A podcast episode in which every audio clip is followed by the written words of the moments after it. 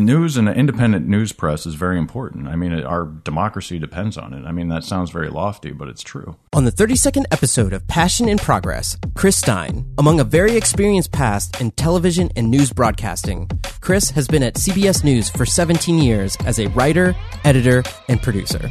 Before we get to the particulars, I just want to thank everybody who has been listening to the podcast so far. And if you do want to support the podcast, I'm on Patreon at www.patreon.com forward slash Javier Mercedes. You can also share out the podcast on Twitter, Facebook, any of those social media things. If you tag me in a post on Instagram, I'm at Javier Mercedes X. With all that out of the way, let's get to the 32nd episode of Passion in Progress with Javier Mercedes and Chris Stein. What is up, Merc Nation? Javier Mercedes here for yet again another Passion in Progress show where we interview inspiring individuals and hopefully through hearing their stories, you too are motivated to pursue your passions as well. Today on the show, we have writer, editor, producer of CBS News out of New York, but we're recording here in Austin. Chris Stein, how's it going? That was a lot of energy. I, I, I uh, I'm, I'm a little psyched. I don't usually show. So this is as psyched as I get, but You do producing and everything like that on the back end of news. So your face is in front of the camera, but I feel like you're just like the mastermind behind all of the news things that like come and go throughout uh, CBS. Can you give an overview of the infrastructure, or I guess like what exactly your position is at CBS? So I work at the worldwide global headquarters for CBS News in New York City, New York. Uh, we have uh, bureaus and uh, offices around the world. DC, obviously, we have a very big um, infrastructure there. We also have bureaus in uh, Italy and Beijing and London and LA and San Francisco and Dallas and Miami. And I think that's all of them. So there are different divisions of CBS News. Um, there's uh, the shows. There's CBS This Morning. There's uh, there's the CBS Evening News. Uh, there's the overnight program, the early, early, early uh, morning show, CBS Morning News. Uh, we also have CBSN, our 24 7 streaming channel that we just came around a few years ago. And, uh, and then I work for an entity called CBS NewsPath.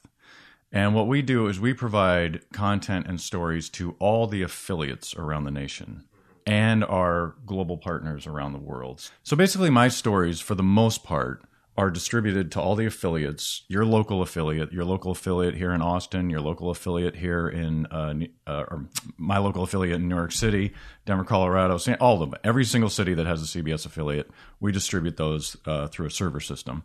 And then it's up to them whether or not they want to run these stories. And then usually mine are used by anywhere from 138 to 160 affiliates around the country um, I think like five million to seven million eyeballs see every story.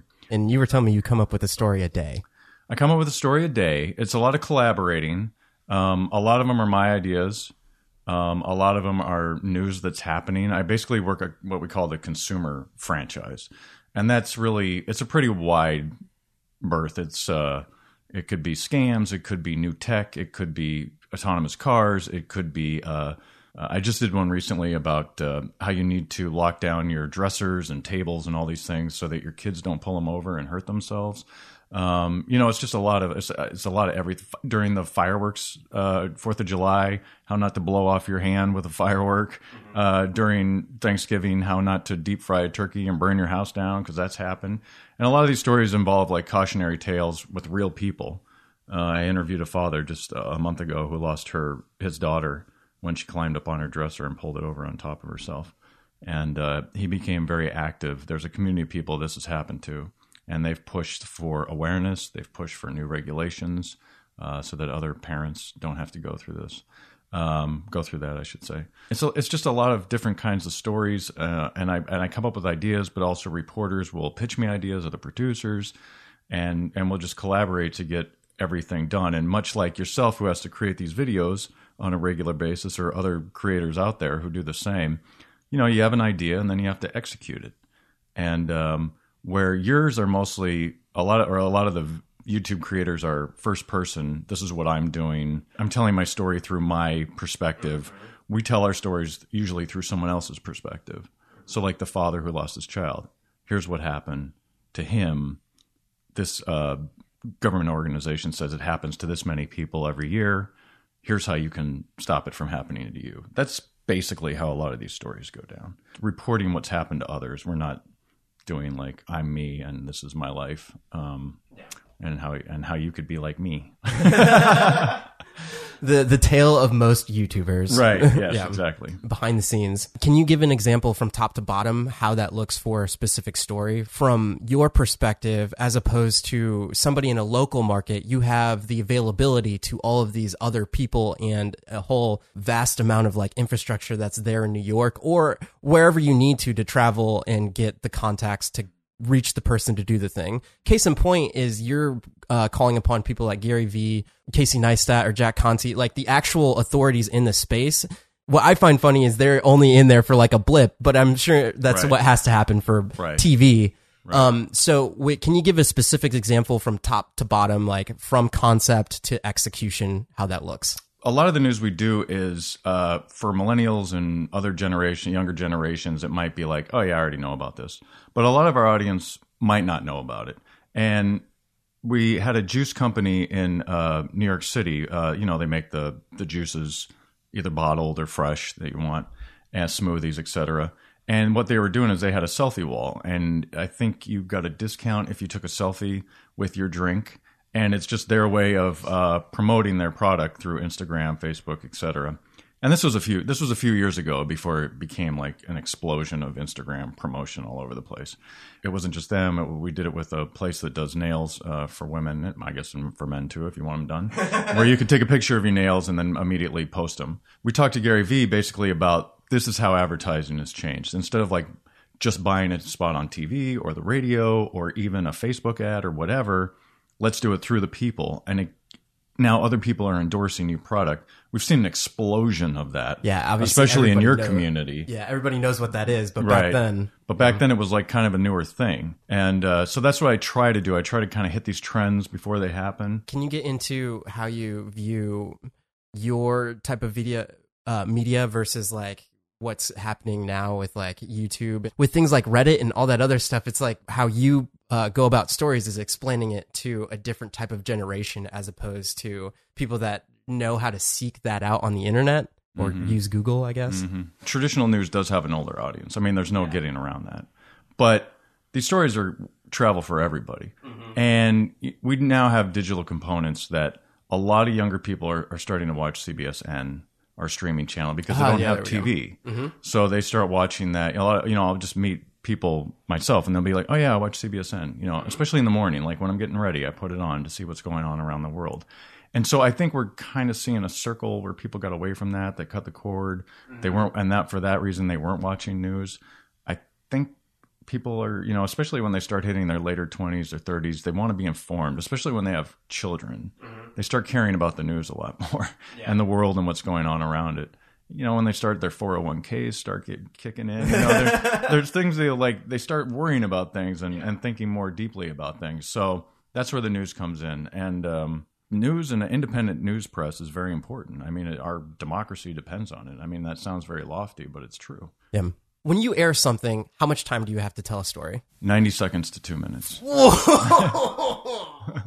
this is some heavy hitting stuff. Like just what you were talking about with like dressers falling on kids. Like how did you get to this point of being able to efficiently tell a story? Not only that but at quantity doing doing it day to day to day to day. That's crazy. Yeah, it's hard. I mean, it's definitely hard, but um, there's a lot of jobs that are hard, you know, and and, uh, and you you get you know, it's just not like anything. It's like you know, you get you do it long enough, you get you know it, you you know, you get faster and faster at it. The process is well. I'll go back. You asked me about my career, so I'll, go through that. Went to college in Denver, Colorado, and I knew I probably wanted to do something in the media. I wasn't really sure what. You know, when I was a kid in high school, I had an English class where they wanted me to do a biography on somebody. So I went through the library. I started looking up biographies, and uh, I picked out this Edward R. Murrow book. Uh, he was a very famous uh, anchor, journalist, reporter for CBS News during World War II and beyond. And um, I was like, "That's pretty cool. Like news sounds pretty cool." So that kind of sparked my my mind in high school. I went to college and I and I went for a broadcasting and journalism uh, degree in college. And being able to go to school in Denver was unique because you could do internships. And so I interned first in radio, and I did a lot of radio. And then uh, I did like, uh, I helped guys do um, spots for uh, for ads, which was funny because we had. I don't even know if people are going to know what this means, but we had a four track. Can you give the context of what years what years you're talking So about? So yeah, this is like ninety two, probably ninety three. Um, which was the last century for those. so 92, 93, uh, we had no digital editing systems at all. And we had a, I think it was a, either an eight or a 16 track. And basically what that means is that you could lay down 16, I should say eight layers of uh, audio. And so there would be like a music bed and then your voice. And then if you want to add another voice and then some more music. So you had some options to do all kinds of things. And those, those ads back then were like, you know, this Friday night at your local bar. your local bar. it's ladies' night. Ladies' night. You know, Did you like have somebody kind of else stuff. on another like microphone re- repeating? What No, you just lay you would you would just layer them. Yeah, you would yeah, yeah. you would layer yourself, and then you would like make your voice sound weird so that it was like this like background, you know. But it was like a very uh, a lot of people did those back then, if you can remember those. Um, so that was interesting. I also did promotions. People who had advertised with the radio station when they bought ads, Mm-hmm. they also got a promotion, which means the radio DJ would come to their establishment, whether it was a car dealership, a bar, or whatever, and be like, "Hey, we're here at uh, this car dealership today. Come on down. We'll give you a T-shirt and uh, hot dogs and you know whatever." You were you were at the Broncos too, weren't you? Yeah, and then uh, I did some TV internships, and I was a sports internship at two stations in Denver, and that was great because the the reporters were- or the anchors, I should say, the sports anchors would be like, "All right, we need you to go to the ball game, and you sit in the press box and you watch the game, and then afterwards you go to the locker room and you interview the players about the game." I love this behind the scenes. And I was so like, cool. I was like, you know, again, you're like 21, 22, you're like, I don't think life gets any better. because the teams I was covering were the teams that I had grown up with. So imagine whatever city you're from and you're a diehard fan, and then all of a sudden you're interviewing the Colorado Rockies and the Denver Nuggets and the Denver Broncos. It was just, it was really great. Uh, and then uh, there was a really hard internship to get at the Denver Broncos. It was a, a public relations internship, and uh, I was able to get it, and and that was great because you got to travel with the team. Um, and my job during the game, well, during the week was public relations. So whatever the head of the public relations wanted, whether it was moving material here and there, it was also like when the players had lunch. Um, a lot of times they did like radio interviews over the phone and things like that, and it was basically go get them, bring them to the microphone, those kind of things. You know, it was kind of be the go between. yeah, you so you started out as being one of the interviewee or Right. interviewers to like, hey, let me let me uh, Right. like hold their hand and make sure they're in the right place. Right. And that gave me an interesting perspective to see how both sides of it. Mm-hmm. I'm hanging out with John Elway and Steve Atwater, and this is like right before they started winning Super Bowls. It was right. It was right before that. Unfortunately, I wish I was born a couple years later because I could have gone to the Super Bowl with the team. But you know, and like I said, I travel with the team, and when we were on the road, this is just like right at the beginning of digital cameras. So what they used to do is our camera crews used to be at the top of the stadium, and they shoot if you've ever watched a football game and guys are looking at their tablets, they're looking at their tablets. Mm-hmm. What they're looking at is they're looking at the overhead shots showing them the alignment of the players. So they they can see what the oh. defenses are doing because they always like cut to the quarterback during the game and he's on the sideline and he's looking at these.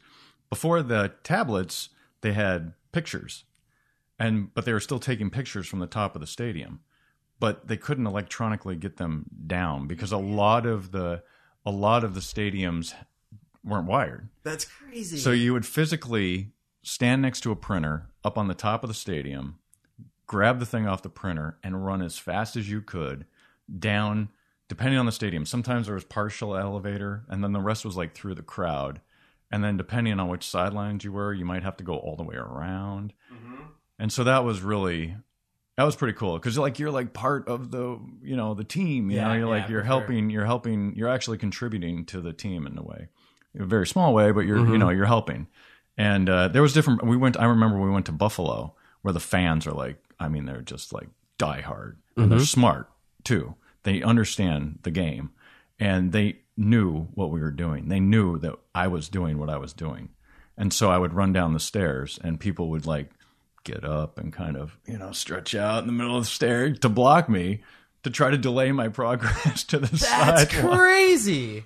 Came for news, got like behind the scenes NFL stories. This is awesome. so that was that was pretty cool. That was that was a really cool experience, and I really thought I wanted to be a sports anchor. So I was in my senior year at that time, and I was in a broadcasting class, and I'm sitting there talking to a bunch of guys, and they're all guys that look like me, were my same age.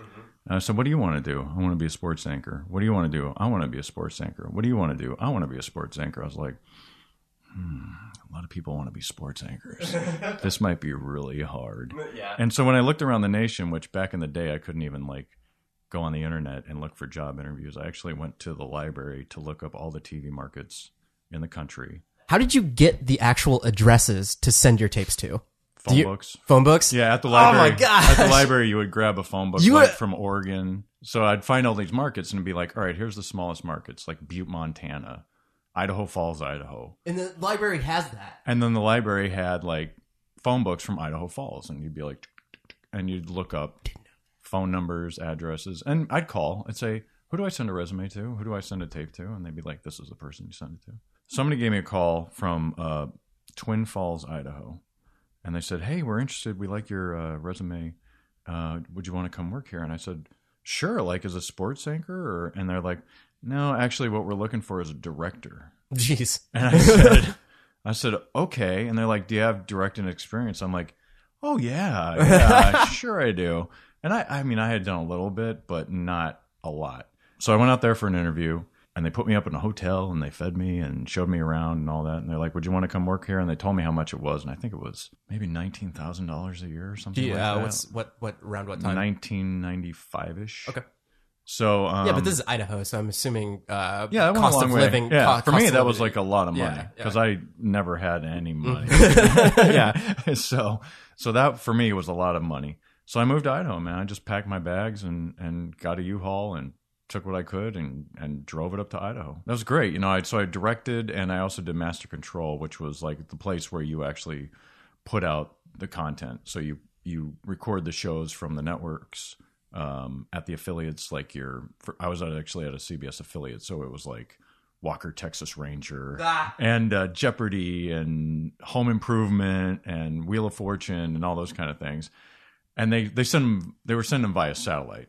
We record them there and then we play them back out of whatever time that's, period. That's what I was going to ask. So, like, when in a in a program schedule, just any kind, when you go to commercial, is somebody like inserting the commercials, or like Back do you then, do- yeah, uh, how- physically inserting. How, yeah. how how would that look? Because you also you have the national commercials and then you have the local. How would you incorporate all of that? Oh, sure. So back station. back then, I mean everything's digitally now. So the Uh, but the yeah, but I'm so just curious do it themselves. But back then, you know, you had a, in Master Control, you had a series of machines, tape machines. I was in Idaho, which was uh, two hours behind East Coast. Mm-hmm. So East Coast would feed it out, I believe, at 8 p.m. Eastern, 6 o'clock our time, and then we ran it, I think, at 7 o'clock our time. So everything was taped and then played an hour later. So, like you said, the network had their ads on, and then there would be some kind of cue. It might be a promo for one of their shows. It was something that you knew was coming, and you had like a list. So it was like when promo for this show pops up, then you have a black hole for your ads. Mm-hmm. And as the master control operator, you waited for the end. You had a, you had like a two second roll, I think, or three seconds.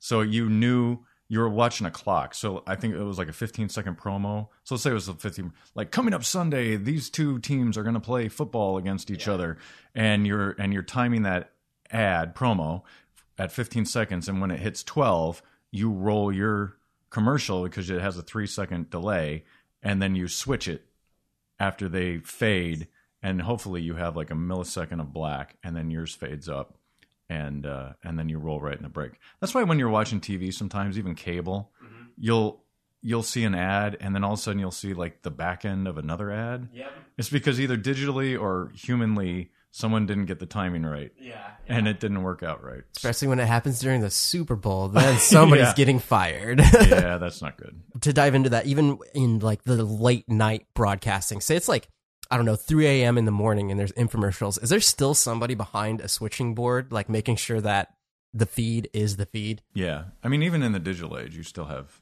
physical humans in these in these places running those boards. Man, that's crazy. Yeah, but it's funny because when the station, the first station I was at at 3 a.m., we didn't even we went off the air.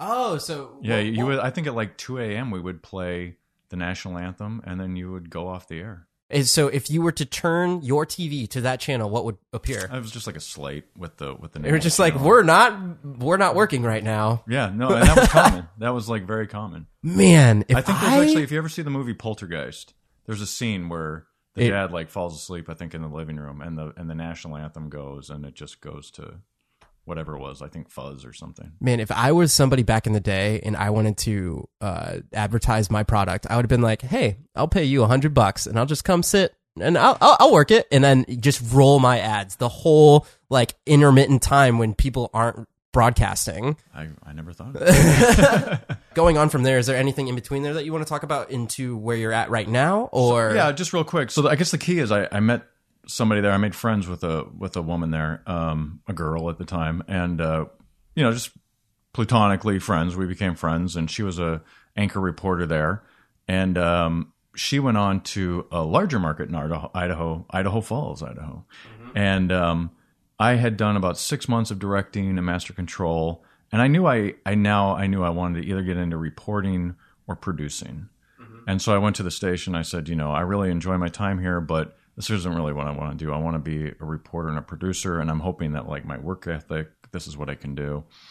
And they said, you know, look, we really just need you to keep doing what you're doing, um, and maybe down the road. And you know, I'm young. I'm like, I- I'm just gonna go. I didn't. I wasn't under a contract.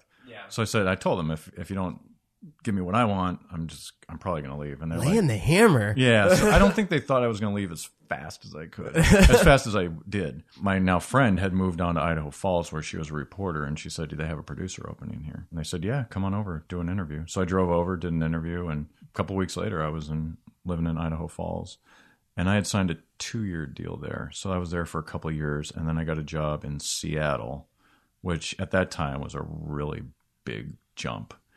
I went up there for an interview and uh, my lease was up on my apartment. And I told the guy, I said, listen, I'm going to come up there and I'm hoping you can hire me because my lease is up and I'm just going to pack up my stuff and go. I literally packed everything I owned in my car, threw out what I couldn't fit or gave away, drove to Seattle and did an interview. And he's like, well, I'll let you know. And I'm like, let me know fast because I don't have a job and everything's in my car. I'm staying at my best friend's house. So like a week later, he called and he said, "Yeah, we want you to come work here." And who I was working for was there was a uh, there was this movement towards regional cable stations. So you had the big cable news channels like C- uh, MSNBC, Fox, CNN, and uh, this was regional news. It was Northwest Cable News. And what they did is they were owned by the same company that owned the NBC affiliate in Seattle, uh, the NBC affiliate in Portland, and a few other affiliates around that region, Boise, other markets in Washington and, and Oregon.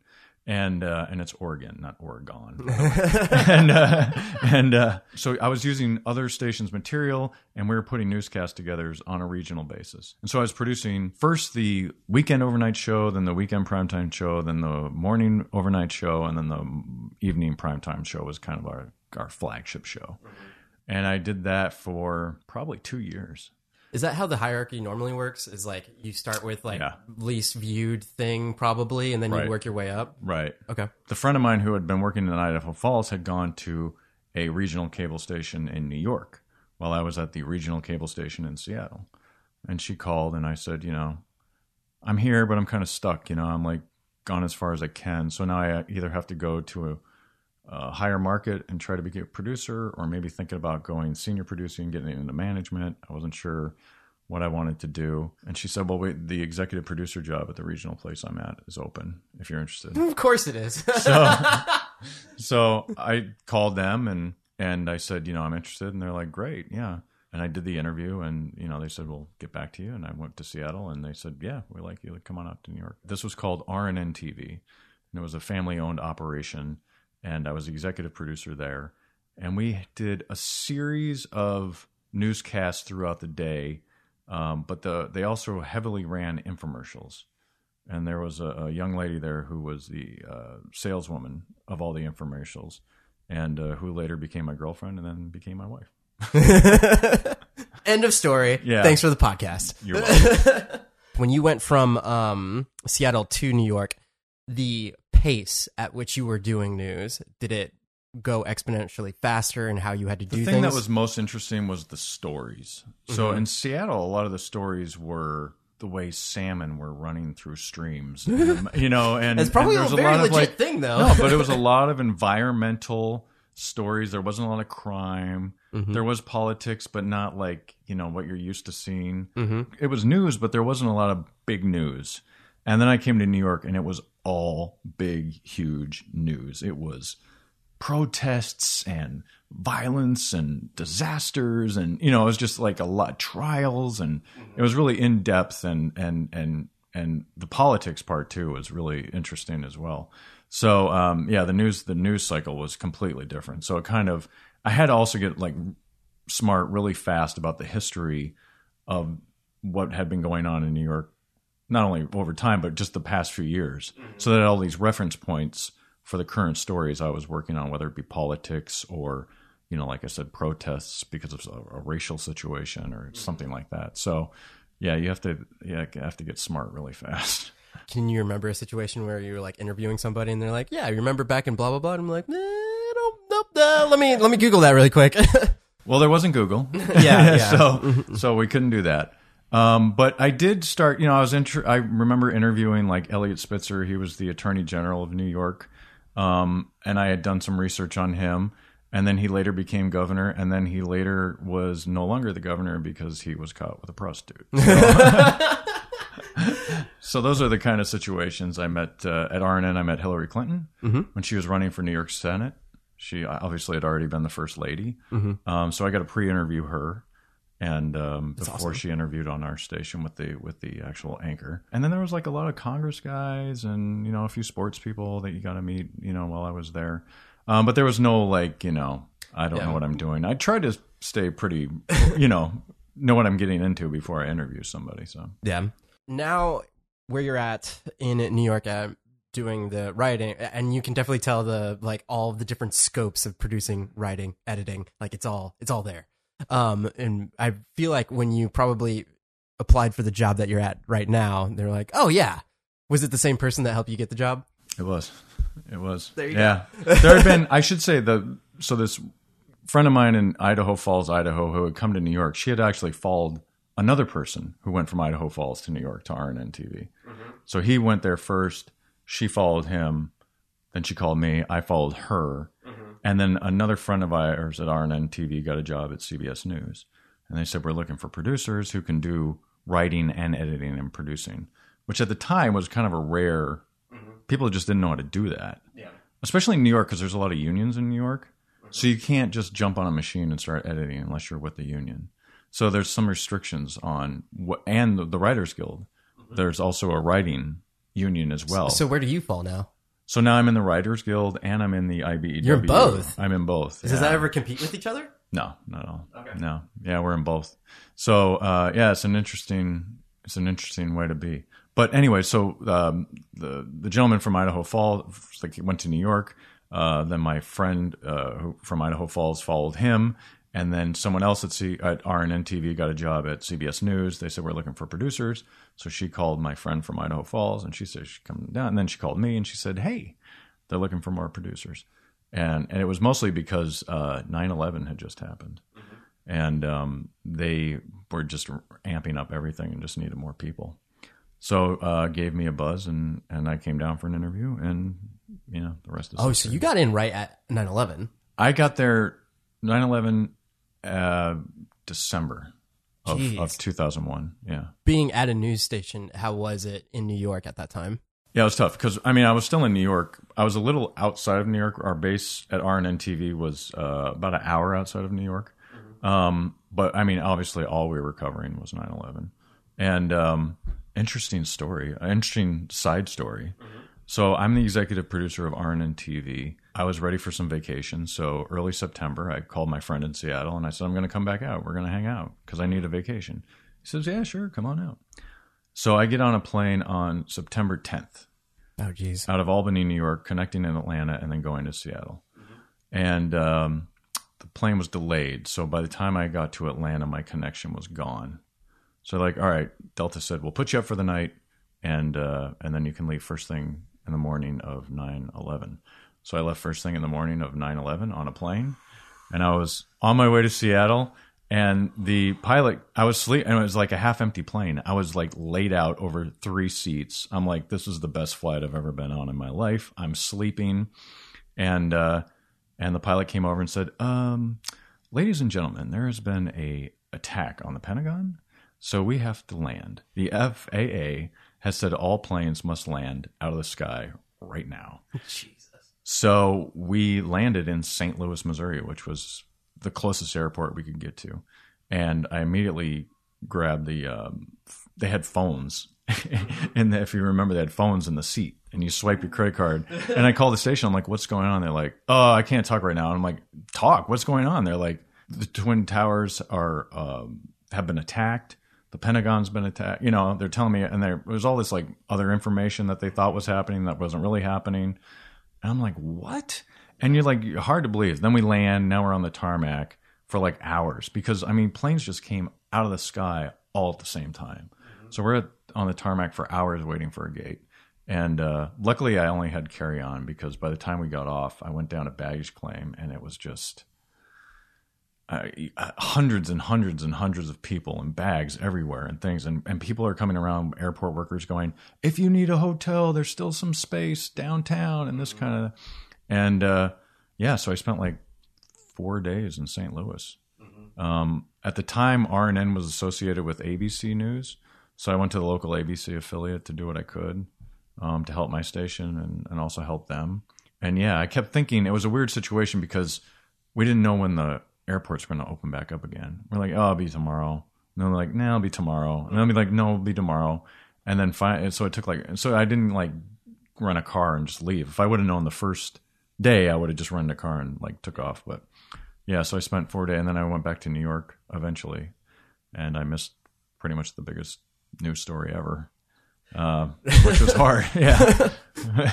uh, but I mean, you were there interviewing and doing all this stuff for all the aftermath, I'm assuming. For months, it was just all 9 11 related coverage. And then when I went to the CBS, it was pretty much the same thing. And then it was the build up to the war. Then it was the war.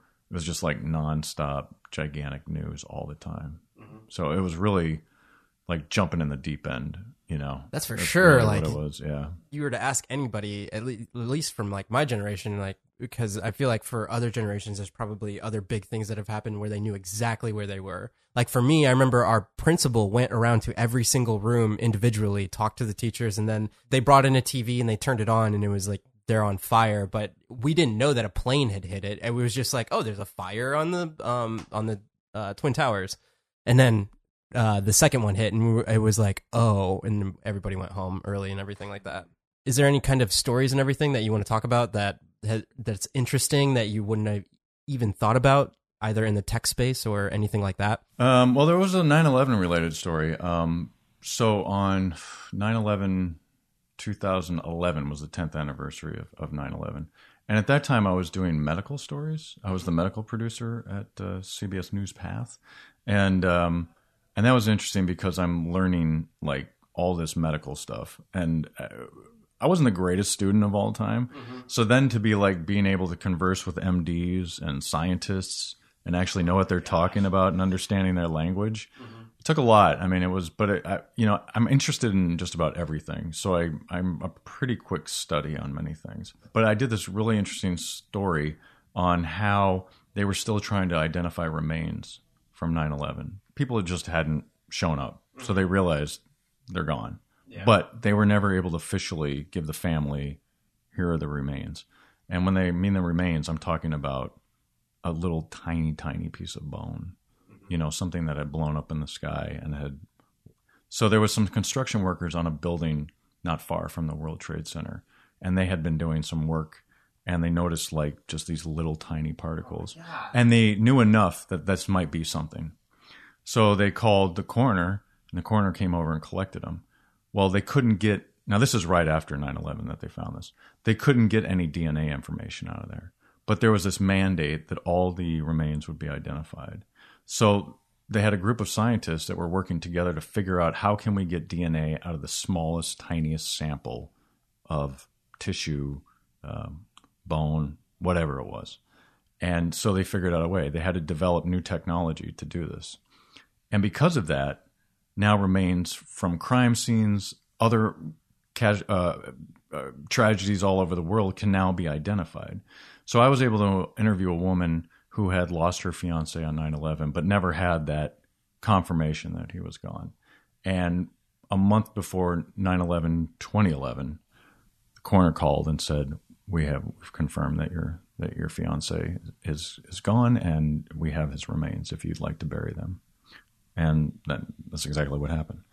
And it was just a sense of closure for this person who had always and you know wondered what if what if, you know and he was a worker at the World Trade Center, I believe. And yeah, it was just an it was an incredible story of sorrow, the you know the worst attack in America, modern technology, just all these things, and it just the it was it was really a great story. I just remember that that was great. Yeah, in in my mind when I when I saw the clip of what you were talking about, what I was fascinated with is that it was these scientists like sole not sole purpose, but like their job when they would go to work was be like I'm going to come up with some sort of thing to give closure to these families. And they were like, and you were saying it was like the 10 year anniversary. Like, I can't imagine how long it took them to do that. And plus the 10 years. Yeah. Well, yes, that, but hopefully with that technology comes other, I don't know, breakthroughs in science. Yeah, totally. It has. Yeah. It, it really has. It's helped I remember there was a case out of Germany where they couldn't identify some remains for five years, and because of that,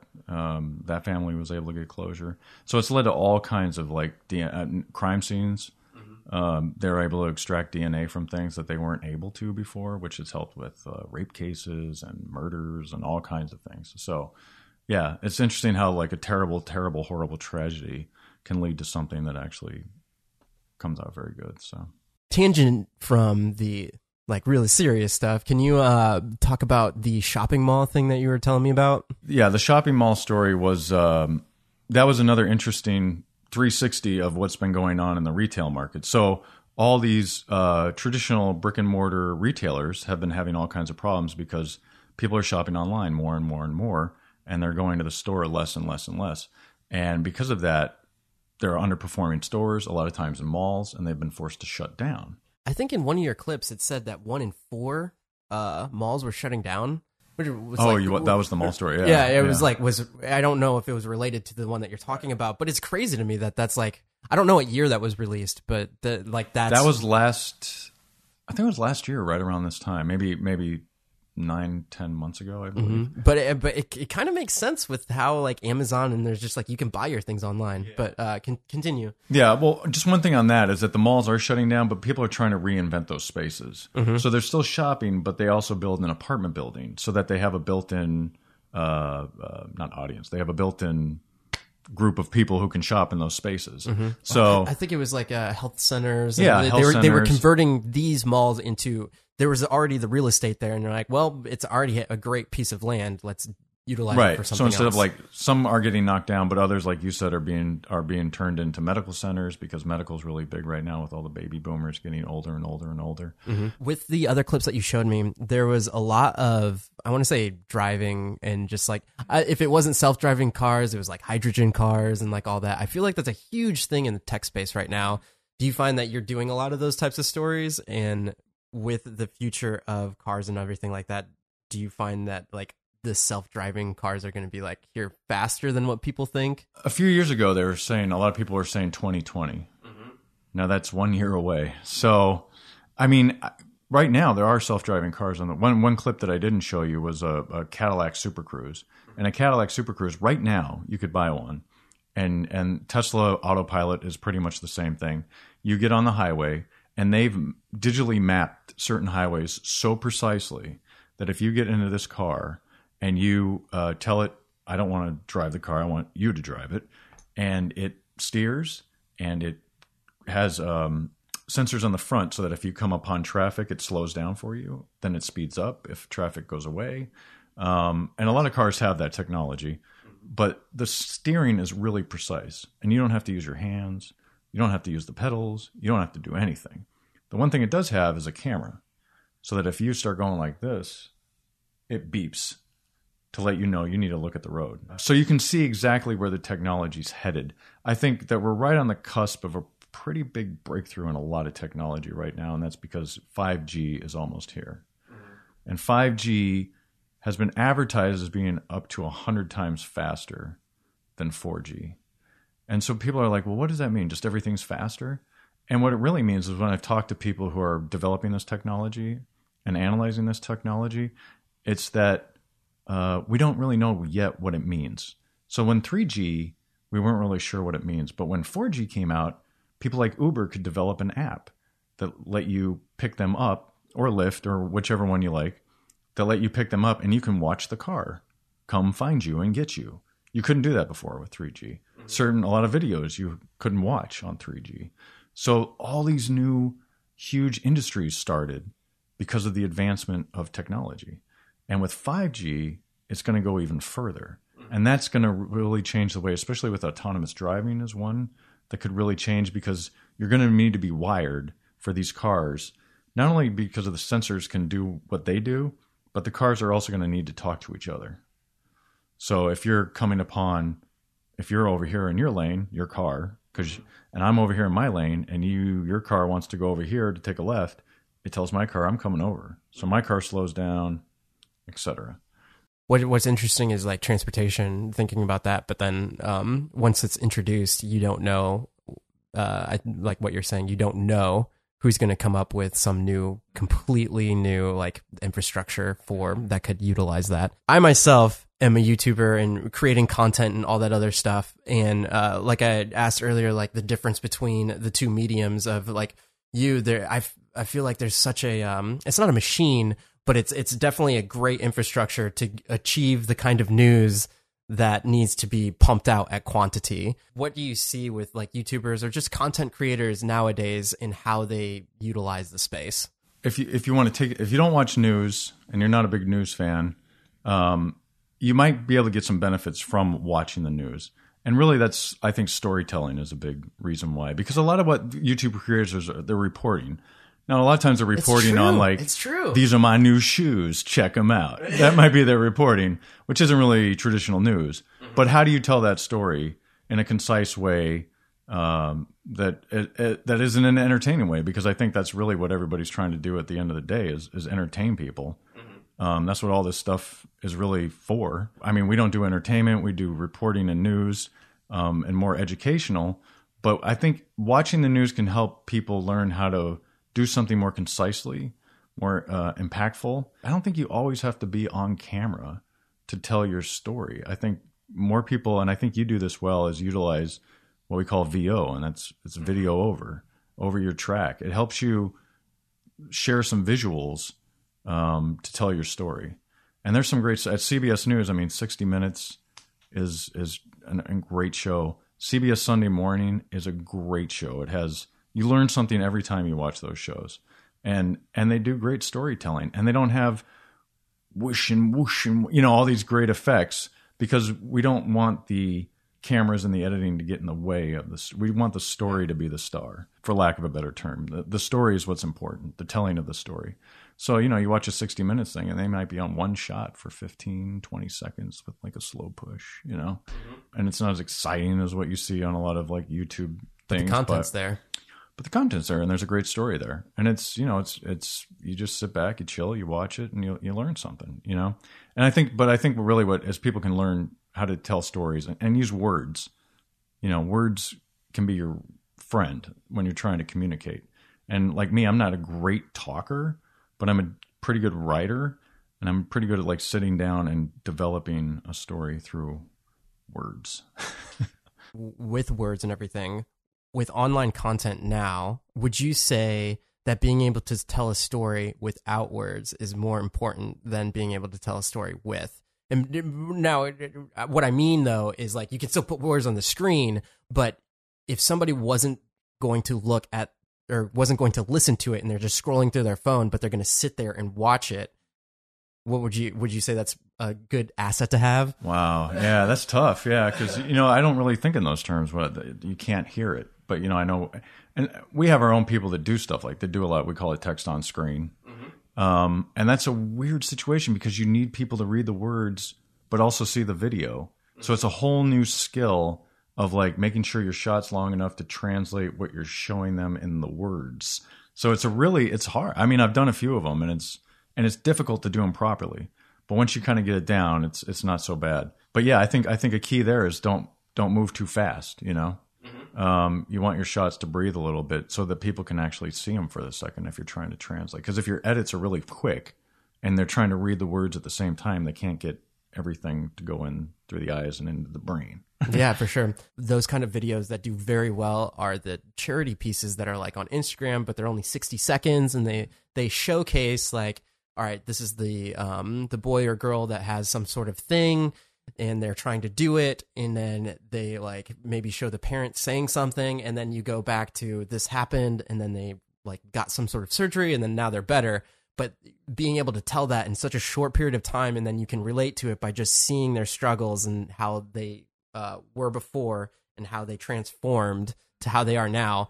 I don't know if it's a different kind of storytelling but it's like i feel like that's where a lot of the media is going now in order to capture people's attention on a little telephone screen telephone cell phone screen um now.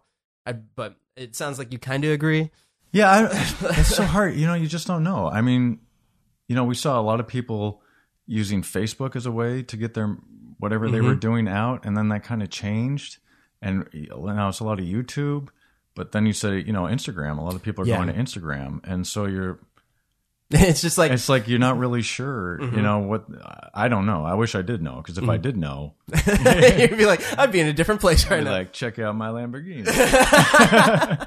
But with that, I believe there is the all encompassing being able to tell a story in general. And I think what you were talking about with like 60 seconds and all the other, uh, um, 60 minutes, sorry, with those shows, I think if you just do a normal cut, it's so timeless as a co- as opposed to having a sweet swish zoom flip flippity blap tweet the twat.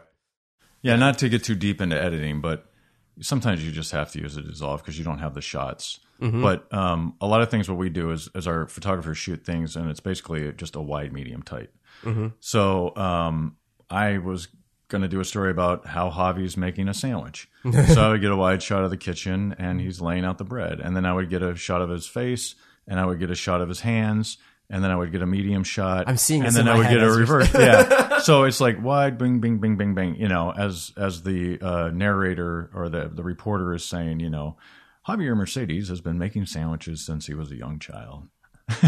The the question that I ask everybody at the end of all the podcasts is if somebody were to pursue where you're at today, and it, like I love how you've transgressed from Idaho and even before then to like and even the I the thing I love about this field is the technology that is married along with how you progress in video and um, online media or just media in general. It's like you were talking about you had to run from like the top of the box office all the way down. I never even would have thought about that, and because there's tablets. Uh, but in order for somebody to be a producer, uh, writer, editor, CBS News, right now, if they were in college, what would they need to do? Uh, well, you need to learn a craft. I mean, you can't really do it just hoping someone's going to hire you and train you. You need to try to learn how to do it. And today, people have such uh, have much more of an advantage. If you can get Adobe Premiere or whatever editing program you like, you can sit down and like you did, like I did back in the day, like a lot of people have, just play with it. And and hopefully you learn that like someone who can draw, someone who can play the guitar by ear, maybe you can figure out how to edit.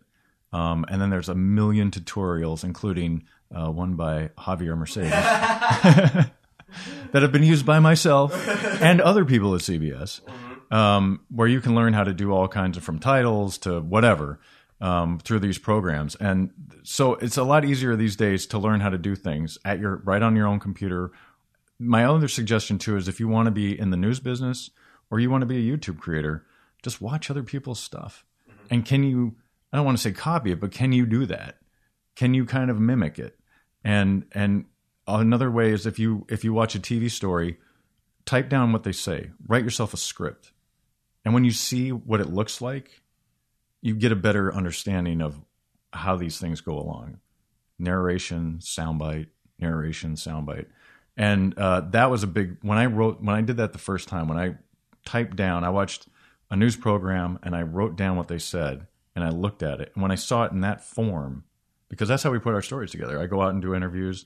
I wrote I write down what the people say. I look at all my video and then I write and I write to the video. That's another key for any YouTube creator. Write to your video. Don't write to what you don't have. Write to what you do have, because you know if you can't show it, then it can't. Then it didn't really happen. That Right. whole thing. Exactly. Mm-hmm. Yeah. Yeah. And I think those three things: watch watch as much news as you can, um, see if you can do what they do, and then um, and then like new editing systems, and then writing. Just write all the time, um, because you really have to get become friends with words and learn how to use them in your favor.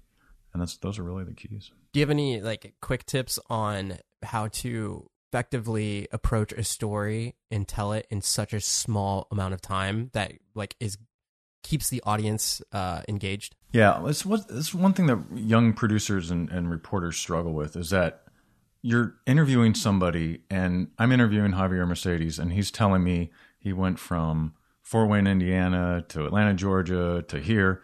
I don't have time to explain all of that. So Unless you have a podcast. so it's unless you have a podcast. so I say Javier Mercedes uh, uh, graduated high school in Fort Wayne, and, and after college, he eventually landed in Austin, Texas. So now I've told your entire story in like five seconds.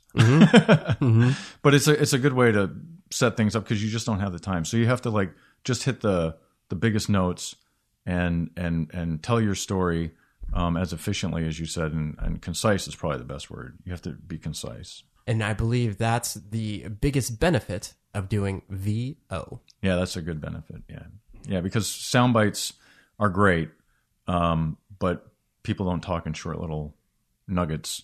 So you have to you have to let the VO do the rest of the storytelling, as opposed to today where I've been rambling on like forever. is that is that hard for you? to be honest, I thought, God, I think this is going to be a short podcast because I think I'm just going to like. No, talk we're at, we're at an hour twenty. I know. And I, well, I, as I've sat here, I'm like, we've been here forever. Yeah, and I listened to. I've I've been a PIP fan uh, since PIP, since the since the beginning. I've, I've I've seen every single one or heard every single one, and sometimes I'm like, man, these people ramble on forever. Like nobody cares, man. And now I'm like, I'm that guy. Well, there you go. Uh, with that, if you did enjoy this podcast, you can share it out on all the social things Twitter, uh, Snap. I don't even use Snapchat, but if you did snap the chats, you could do that too. Uh, on Instagram and Facebook and all the things. I'm at Javier Mercedes X. Again, I'm on Patreon. If you do get any value out of this podcast, it's uh, www.patreon.com forward slash Javier Mercedes. And until next time, live a life of abundance. And Chris, thank you so much for your time. An amazing story and just your whole journey. It's awesome to hear. Yeah, and I interviewed. Uh, is it Jack Conte? Is that Yeah, the guy? yeah, yeah, yeah. yeah. I interviewed him back in the day. Yeah. Almo- oh, Patreon. almo- hey. Almost as much energy as you, but uh, Oh, dude, that I so after doing a couple uh podcasts with other people that have like met him and doing all that stuff, that guy is off the walls with energy Yeah. and like and talking about somebody that's passionate. He's definitely like he's gun ho about his what he's doing. yeah, his passion progresses at a very high rate. that is true. That is true. Well, thank you again, and uh yeah, see you guys.